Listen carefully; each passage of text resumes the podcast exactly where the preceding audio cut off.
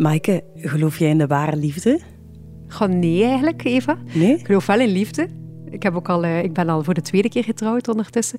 En met die tweede man ook alweer meer dan twaalf jaar samen. Dus, en dat is geweldig. Ik heb een hele, hele mooie, hele liefdevolle relatie.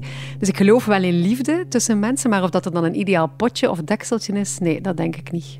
Ik geloof wel dat sommige mensen beter bij elkaar passen dan anderen. Maar ook, ja, ik heb het gevoel ik gewoon zelf beter ben geworden in de liefde.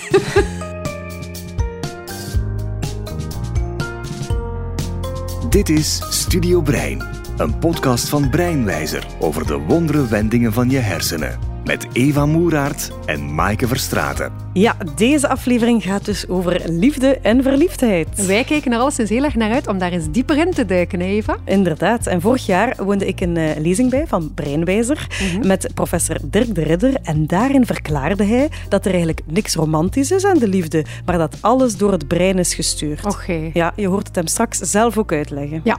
En we bekijken ook wat het verschil is tussen liefde in een intieme relatie, liefde als vrienden en moeder- of vaderliefde. Ja, en we testen uit of we liefde kunnen opwekken door de wetenschap. Welkom in Studio Brein.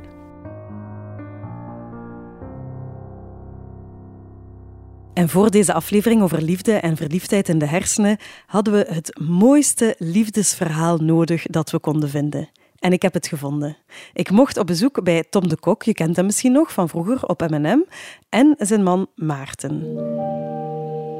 Ik heb daar eigenlijk nog nooit over nagedacht, bewust. Maar volgens mij was het liefde op het eerste gezicht. We hebben elkaar leren kennen op ons werk. Uh, Tom was eigenlijk nog student toen. Uh, en uh, deed ondertussen ook publieksopwarming bij tv-programma's. En ik werkte net op de VRT en was jurylid tussen aanhalingstekens bij de quiz 1 jaar gratis met Herman van Molle. En dus ja, daar hebben we elkaar gezien. En uh, direct had ik zoiets van: amai, wat een, wat een energieke, schalkse, toffe, uh, schone jongen is dat. Het is al wel hetero zijn, ja, dat komt er dan bij als, als je homo bent. Uh, dat die onzekerheid er is. En dan zijn we eigenlijk heel snel door een hoop collega's aan elkaar gekoppeld. En ja, dat klikte ongelooflijk goed. En dan is dat op een paar weken tijd uh, zijn we een relatie met elkaar begonnen. Ik denk dat, dat, dat het echt liefde op het eerste gezicht was. Want ik, ik zie ook nog het beeld voor mij van toen ik Maarten voor het eerst opmerkte. Zo, ik weet echt nog, ja, toen die, uh, die trui met rode en zwarte strepen aan. Uh, zo, je handelsmerk was dat toen. Zo, ik kon met Maarten heel goed Waar is Wally spelen, zo in een, in een massa. en... En ik weet nog dat ik dacht van, ja, dat is nu echt totaal mijn type niet, want ik had iets helemaal anders in gedachten als de man van mijn leven. Um, maar, maar toch was er een, een of andere vreemde aantrekkingskracht.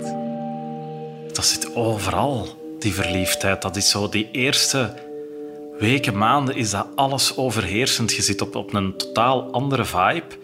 Je doet heel veel dingen precies op automatische piloot of zo. Dat je zegt gewoon heel de tijd daaraan aan het denken. En, oh, en straks als je terug oh, het is nu al vier uur dat we elkaar uh, nog gezien hebben. En, en constant aan, aan het hopen van, hij zal toch nog wel eens een mailtje sturen of nog een sms'je. En zou ik nu iets sturen of niet? Ja, dat is misschien wat overdreven. Daar zijn dan ook heel veel mee bezig. Hè, van, ja, hoe gedraag ik mij nu het beste om een goede indruk te maken? Want hij gaat toch niet op mij afknappen? En, en dat is ja, een andere kracht neemt het over van u, precies. Dat, dat is een heel plezant gevoel. Allee, dat is eigenlijk jammer dat dat er gaandeweg wat uitgaat. Maar uh, ja, dat is, is, ja, is dat adrenaline. En ik weet, het zal wel iets chemisch zijn, ja. Oh, dat is inderdaad toch een zalig gevoel, die Ja, eerste hè? fase. Eigenlijk jammer dat dat voorbij gaat, hè, toch? Ja, dat vind ik ook. Maar nu ben ik wel benieuwd, hè, Maaike.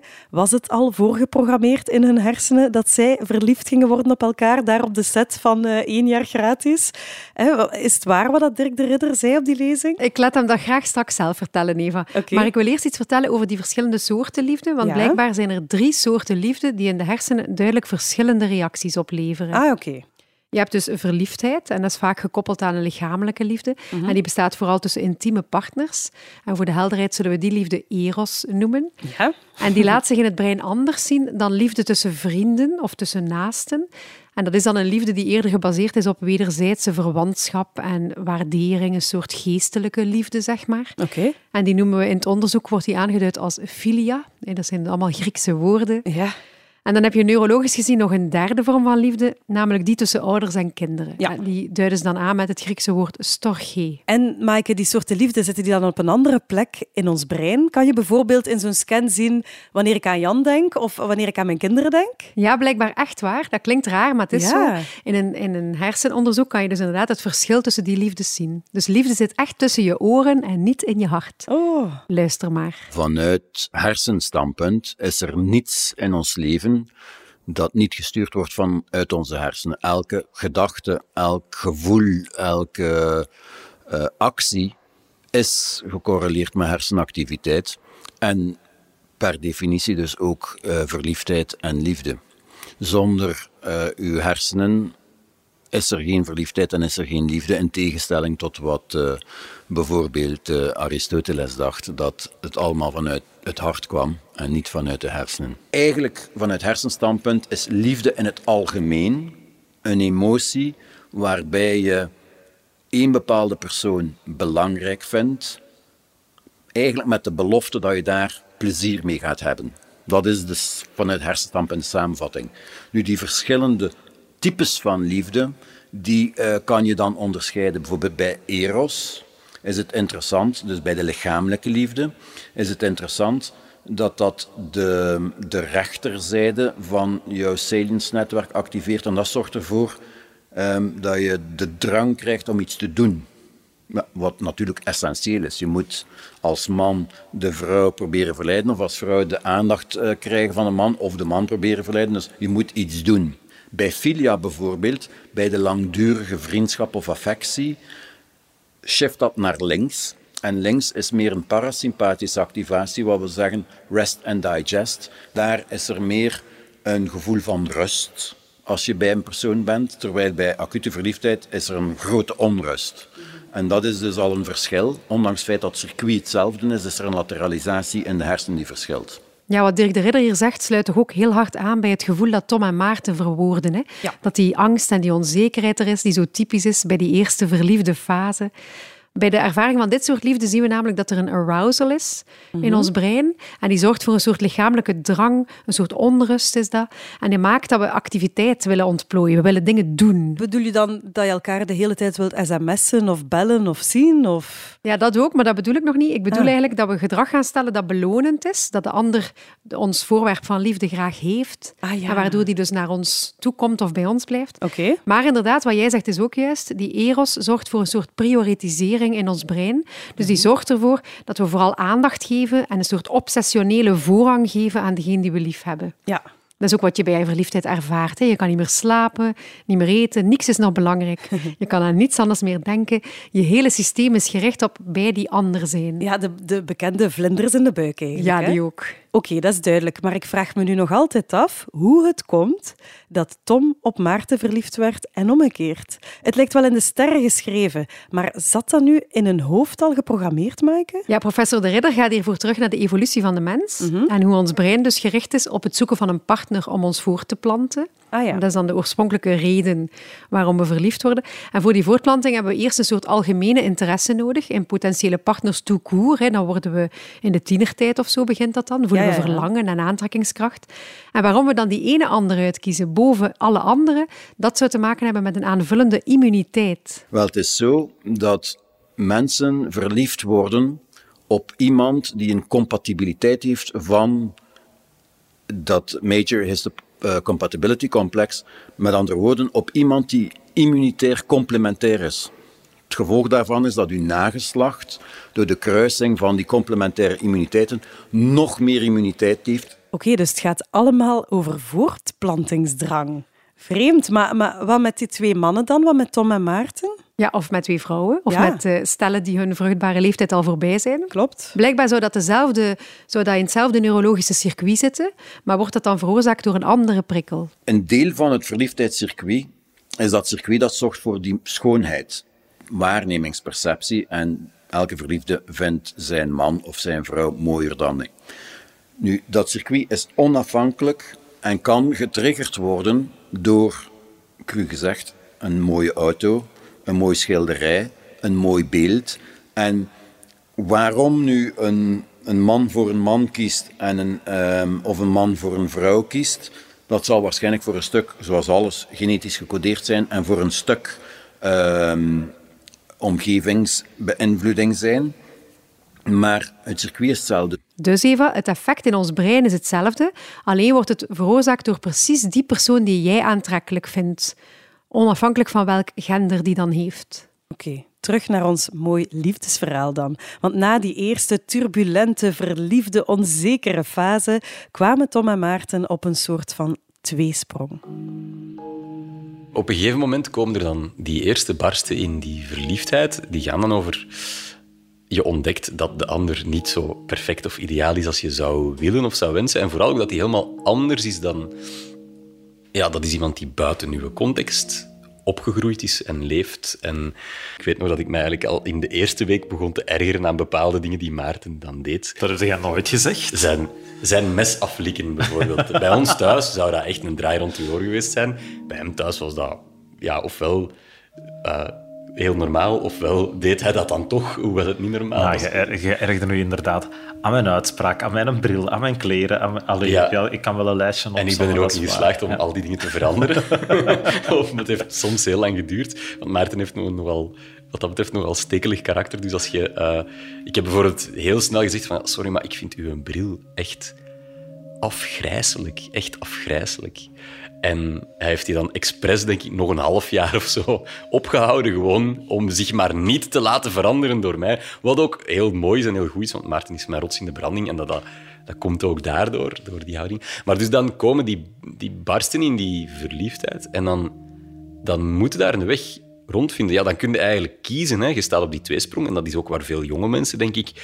ehm, ja, waar een relatie dan op afspringt, is ja, ofwel leer je leven met het feit dat die ander anders is en gelukkig maar, ofwel ga je elk je eigen weg. En bij ons, ja, wij, wij hebben eigenlijk, denk ik, sinds die een eerste avond in het zeezicht gewoon nooit meer getwijfeld aan het feit dat wij bij elkaar hoorden. Zo. Ik denk dat dat letterlijk En nooit wij, gebeurd is. wij maken al 14 jaar ruzie over dezelfde dingen. Ja. En dat zijn gelukkig niet de essentiële dingen. En waarschijnlijk binnen 30 jaar ruzie wij nog altijd over dezelfde dingen. Maar dat heeft ook een, een grote schoonheid. Ik, ja, als je zo terugkijkt, van, dat verandert inderdaad. En ergens is dat echt jammer dat, dat, dat die, die, die extase van die verliefdheid verloren gaat. Langs de andere kant is die, is die routine ook, ook heel mooi die erin komt. Ehm, maar het jammer is dat je dat niet altijd meer beseft constant en dat er zo'n van- vanzelfsprekendheid komt. En Tom gaat af en toe eens een paar dagen eh, zonder hij zich af om te gaan schrijven of gaat hij op vakantie om te skiën met zijn vrienden en zo. En ik moet dan voor het werk af en toe naar het buitenland en dat zijn eigenlijk echt heel waardevolle momenten, want als je elkaar dan een week niet ziet, dan beseft je weer van, amai, maar mijn leven zonder, zonder een Tom, dat, pff, ik, ik kijk er echt naar uit om die terug te zien. Ja, die verliefde fase gaat echt over. Hè? En dan heb je niet meer genoeg aan aantrekkingskracht of chemie alleen. Nee.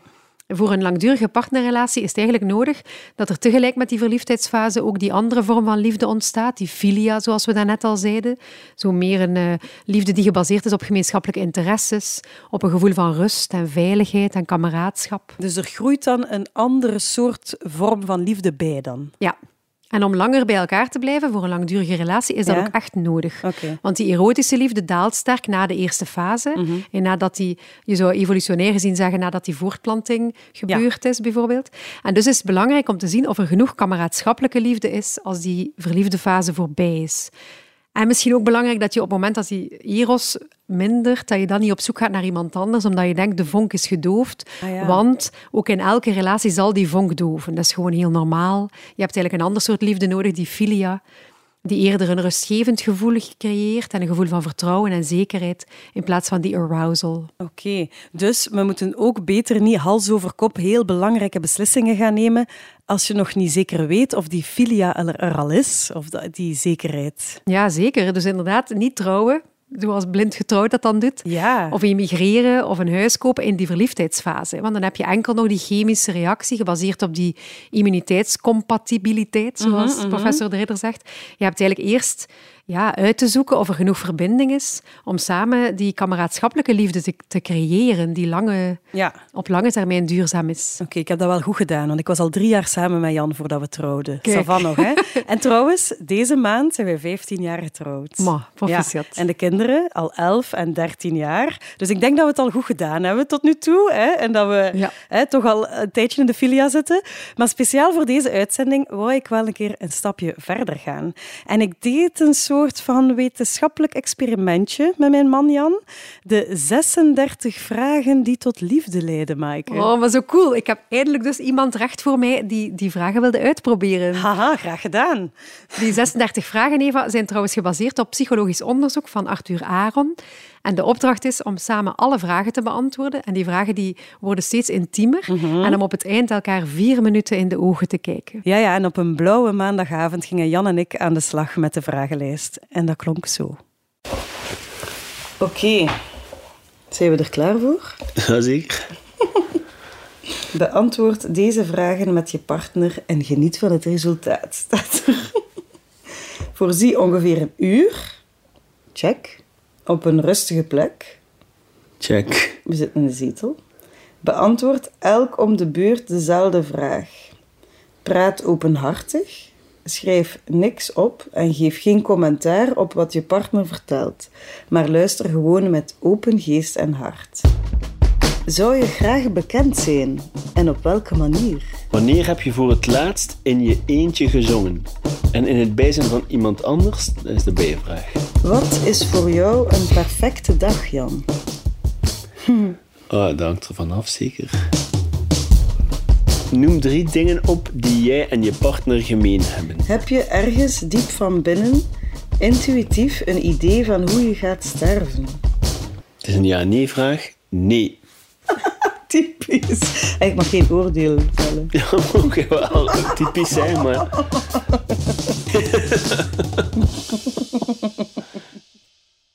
Dus eh, we moeten nu vier minuten in elkaars ogen kijken. Timer, waar staat hij? Zijn je klaar voor Ja. eh, de vier minuten? Zie je mijn ogen goed?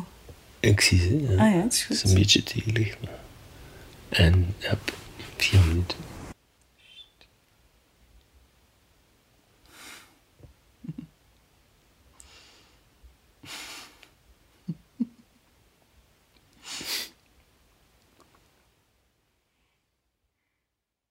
En hoe was het?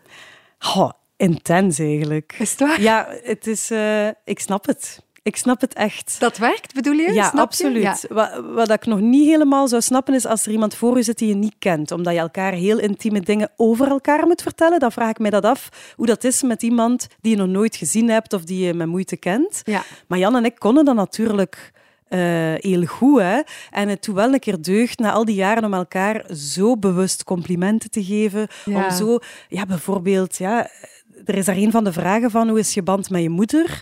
Ja, het is lang geleden dat we daar zo intens over gepraat hebben. En eigenlijk is dat wel belangrijk in een Ja. relatie. Dus ja, eh, het werd intiemer en het waren niet altijd gemakkelijke vragen. En we hebben dan vier minuten in elkaars ogen gekeken, die omvlogen. Hè? Na twee minuten was dat precies al voorbij. En ik vond dat wel ja. super fijn. Dus ja, ook Jan, die zo niet de man is van eh, veel emoties en woorden, zei achteraf, ah, dat was echt een, een fijne, gezellige avond eigenlijk. Ja. En is de erotische liefde dan ook weer opgebloeid daardoor? Ja, ik moet wel zeggen, de, de, de, ja, de vonken springen er dan wel vanaf tegen het einde. Ja, Ja. eigenlijk wel. Ja, eigenlijk mooi. wel. Want dat denk ik wel. Hè. We zeggen hier al de hele tijd, er moet een ander soort liefde bij komen Mhm. voor een langdurige relatie. En je hebt die filia ook nodig. Maar als je kijkt naar koppels die lang samen zijn, dan blijven die toch ook die eros een stukje cultiveren of zo. Hè? Ja, Want tuurlijk. Je moet anders- eraan werken. Hè? Ik denk het, want anders word je toch gevoelig ook voor verliefdheid op andere partners. Terwijl als je in je eigen relatie ook voldoende van die arousal binnenbrengt, of Ja. die spannende activatie van die erotische liefde, ja, dan blijf je ook wel verbonden met elkaar, denk ik, bovenop. Ja, dat klopt. Die Dus kan iedereen die vragen wel aanraden na 15 jaar huwelijk. Maar kijk, misschien moeten wij dat zelfs een keer doen Oh. als vriendinnen. Dat zou toch ook, als je zo kwetsbaarheid aan elkaar laat zien, hè, dat zegt Brené Brown in haar boeken toch ook, dat versterkt je verbondenheid. Ja, ik denk dat dat zeker zou werken. Ik wil wel een paar weken wachten, want nu weet ik die antwoorden allemaal al. Ah ja, oké. Ik zal het eens een keer bij mijn man doen. Hè. Dat Ah, ja. zal misschien bij ons ook eh, nog een keer interessant zijn. Ja, en vriendschap, hè, zoals we daarnet al zeiden, het zou Ja. ook werken voor vriendschap. Dat toont zich wel anders in uw brein. Maar vaak in het begin van een vriendschap is er ook een soort activatie. Want Ja. dat vinden we ook spannend. Ja, absoluut. En daar had ik het ook over met, met Tom en Maarten. En zij vertelden mij dan over ja, verliefd worden op je beste vriend en over family. En, eh, Ah. Omdat wij een, een iets wat aparte kijk hebben op hoe een gezin eruit ziet, hebben wij ook een iets wat aparte kijk op, of een open blik op hoe familie eruit ziet. Want onze familie is uiteraard, bestaat die uit onze ouders en onze zussen en hun partners en hun kinderen. Maar als hier een familiefeest is, dan zijn daar in de regel bijna altijd ook onze beste vrienden bij. Voor ons is dat onze familie. Die component vriendschap, dat vind ik ook iets belangrijk en fascinerend. Ik heb dat zeker bij een Tom al een paar keer kunnen observeren. Dat Tom heeft niet superveel vrienden, maar wel een paar heel goede vrienden al, al van, van in de kleuterklas, bijna letterlijk.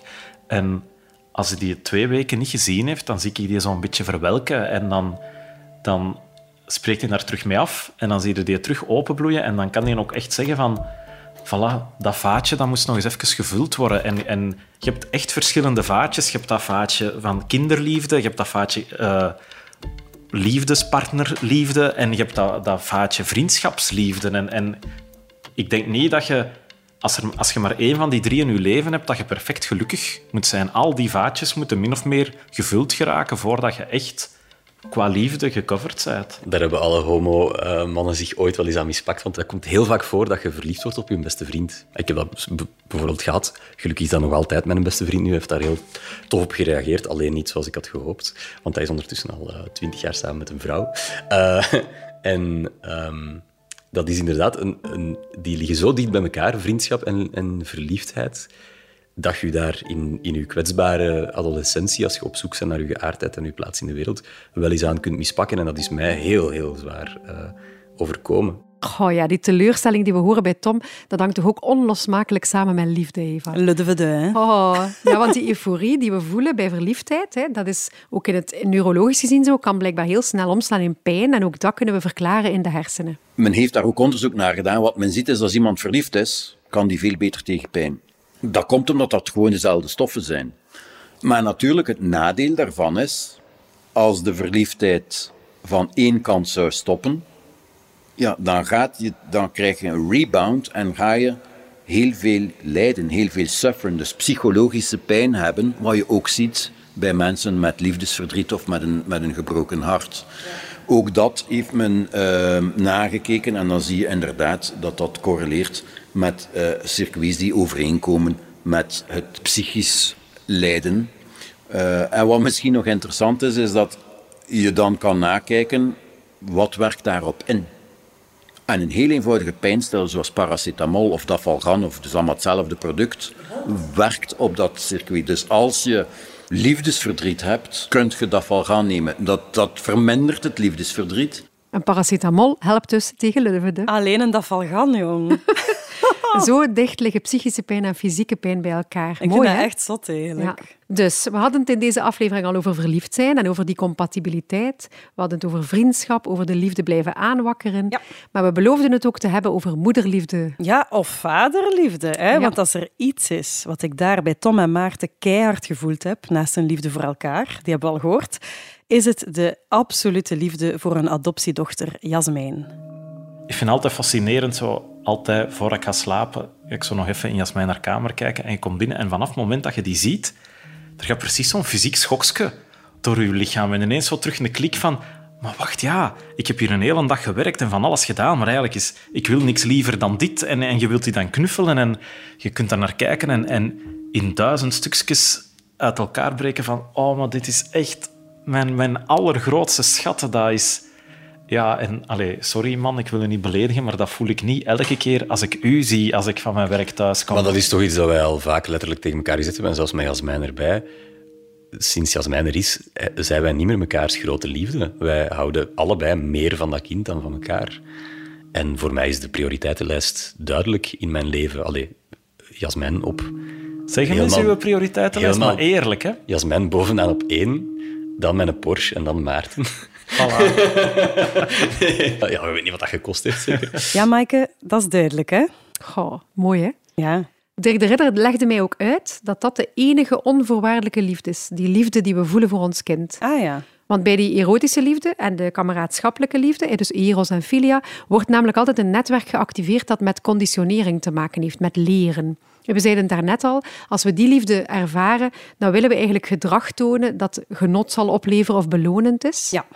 Dus dan gaan we gedrag stellen dat onze partner graag heeft, want dat leidt tot nabijheid of seksuele toenadering of affectie of aandacht. Dus die liefde is niet onvoorwaardelijk. Nee, je moet er iets voor doen eigenlijk. Ja, hè? en ook wij tonen gedrag en we kijken wat het effect daarvan is. Dus we evalueren ons gedrag en we kijken naar het gedrag van de ander om te beslissen, ja, gaan we hier verder toenadering zoeken Of niet, Of ja. niet. Ja. Liefde is eh, één ziel en twee lichamen. En dat zie je eigenlijk op scanners, dat dus jezelf voor een stuk wegcijfert. Maar wat moederliefde nog meer heeft, is dat zelf de laterale default mode netwerk, dat ehm, kijkt naar of dat de andere processed, ook niet geactiveerd wordt. Eigenlijk is moederliefde, staat zelf bijna los van het kind. Ehm, wat je kan vertalen door het feit dat dat gewoon onconditionele liefde is. Het staat zelf los van de persoon. Die liefde is er gewoon. En of dat, dat kind nu goed, eh, slecht, mooi, lelijk, gehandicapt, speelt allemaal geen rol, want het is gedepersonaliseerde liefde. Wat je helemaal niet hebt bij erotische liefde. Wat ook niet mag, want anders ga je je niet kunnen voortplanten, want je wilt uiteindelijk iemand vinden met de beste immuniteitscompatibiliteit. Oké, we hoorden het dus. In hersenonderzoek zien we dat ouderliefde duidelijk anders is. Er wordt geen netwerk van beloning geactiveerd. En ook het netwerk dat gerelateerd is aan het observeren van de ander en het evalueren van het gedrag van de ander, is bij die liefde niet actief. En je zou dus kunnen zeggen dat dat inderdaad de enige vorm van onvoorwaardelijke liefde is, want die staat los van wat de ander doet.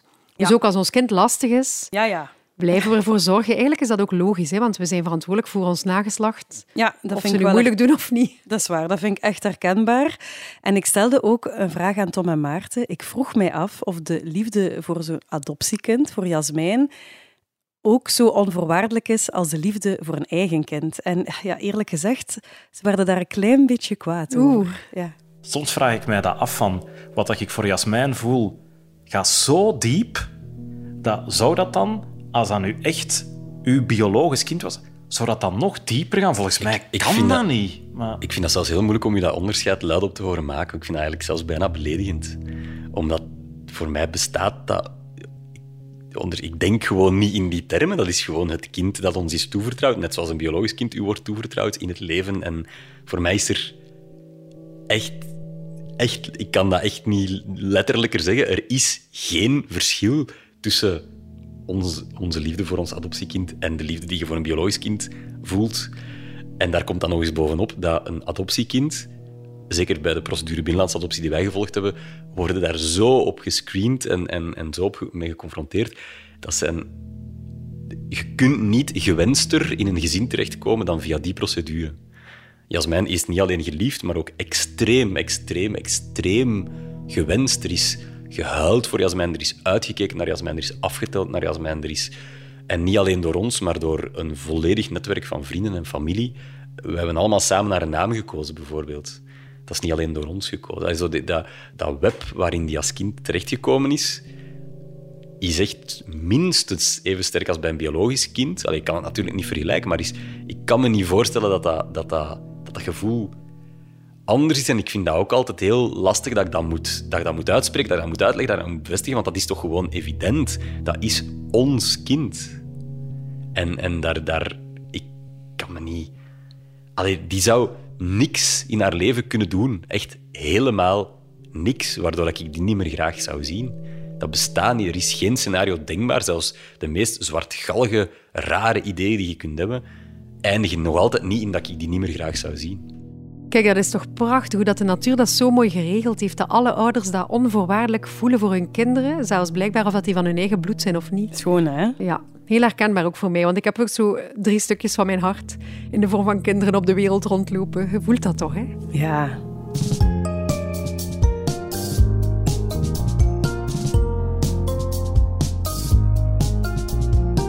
Oh, Mike, en ik heb dringend een beetje paracetamol nodig, want ik vind het echt jammer dat de uitzending erop zit. Ja, Gelukkig kan je die vanaf nu honderd keer opnieuw herbeluisteren als je dat wil. In alle podcast-apps of op de website van Breinwezer. En ook op die website zetten wij een linkje naar de 36 vragen die ik gedaan heb met Jan.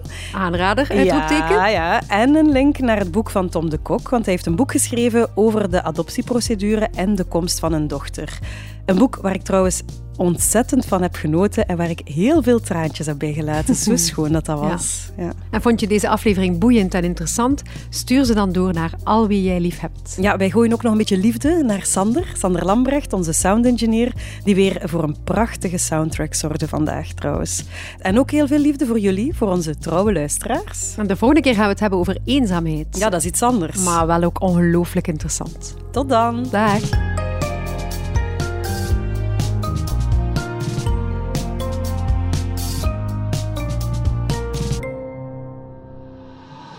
Studio Brein is heel trots lid van het podcastgezelschap Luister met UY. Luister. Wil je nog meer goede podcasts horen? Surf dan zeker eens naar luister.be. Luister.